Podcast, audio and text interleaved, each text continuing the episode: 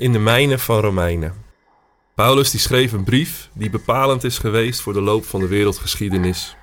Een brief die ook wel de kathedraal van het christelijk geloof wordt genoemd.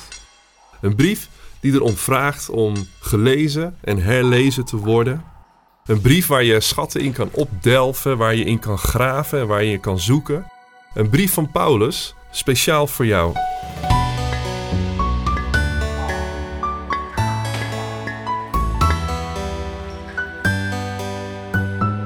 Gaan in deze podcast mijnen in Romeinen.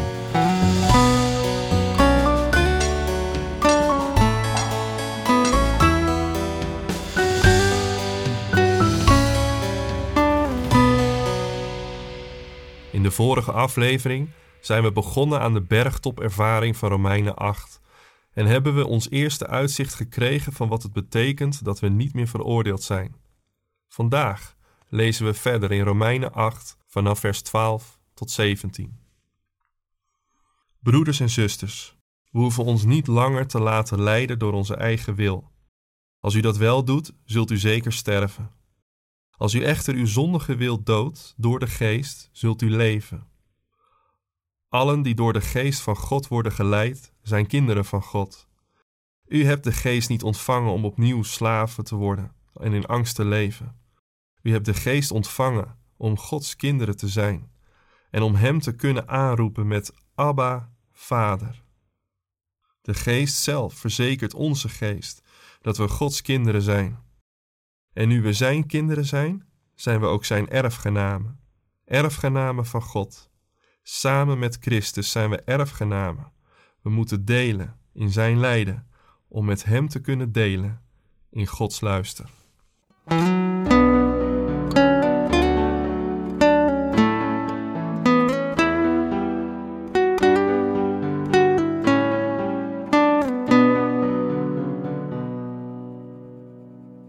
In Bulgarije waren er vroeger zigeuners die met dansende beren optraden voor toeristen op straat. Als de beren dansten, kregen ze eten. Ondertussen werden ze in bedwang gehouden met een ketting aan een ring door hun neus. Toen Bulgarije lid werd van de Europese Unie, mocht het berendansen op straat niet meer. Met Europees geld werd een enorm park aangelegd ergens in Bulgarije, waar alle beren naartoe gebracht konden worden. Het was een ware berenhemel, waar alles aanwezig was wat een berenhartje maar begeren kon. In het park werden de beren uitgedaagd om weer als een echte beer te leven door bijvoorbeeld het voedsel te verstoppen, zodat ze zelf weer leerden zoeken naar hun eten. Het mocht echter niet baten. Als de beren honger kregen, gingen ze niet op zoek naar voedsel, maar gingen ze dansen. U hebt de geest niet ontvangen om opnieuw als slaven in angst te leven, lazen we vandaag. We hebben alles in handen om het nieuwe leven door de geest te leven. Maar toch is het denkbaar dat we nog niet leven zoals we zouden moeten leven. Dat we onze eigen wil voor de wil van God stellen. Dat niet de wil van de geest het wint, maar de wil van het vlees, de zondige wil. We zijn dan als die beren. We hebben de kans om te ontdekken wie we daadwerkelijk zijn. We hebben de kans om te ontdekken waarvoor we geschapen zijn. Maar we blijven dansen alsof er niets veranderd is en we leven in de slavernij van weleer. Als Paulus spreekt over het zijn in het vlees, dat wil zeggen het oude leven, of het zijn in de geest, dat wil zeggen het nieuwe leven, dan moeten we goed begrijpen dat Paulus niet spreekt over een bui die je kunt hebben, of een ideaal dat ver weg ligt. Het is een staat van zijn. Paulus stelt dat gelovigen niet in het vlees zijn, maar in de geest. Paulus spreekt hier over je status. Dat betekent niet dat er geen verleidingen of geen zonden kunnen zijn, die zijn er. Michael Beurt vergelijkt ons hart in zijn commentaar met een vesting. De vesting is in handen van de geest. De voormalige heerser, het vlees, is uit de vesting het bos ingestuurd. Er zullen echter verschillende pogingen van het vlees zijn om de vesting weer in te nemen.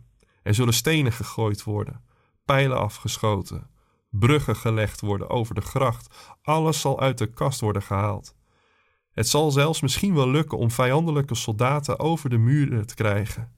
Maar de vesting blijft in handen van de geest. Dat is je staat van zijn.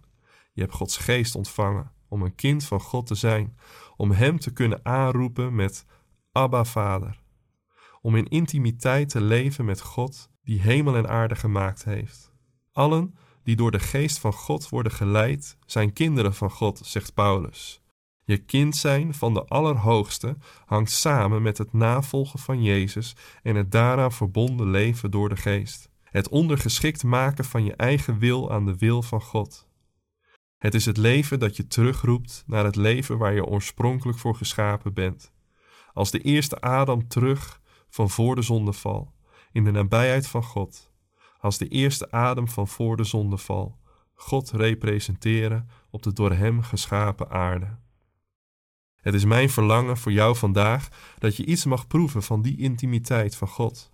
Dat jouw Abba, Vader, dichtbij mag zijn. Dat je vandaag mag leven door de Geest, in het nieuwe leven waar je oorspronkelijk voor geschapen was.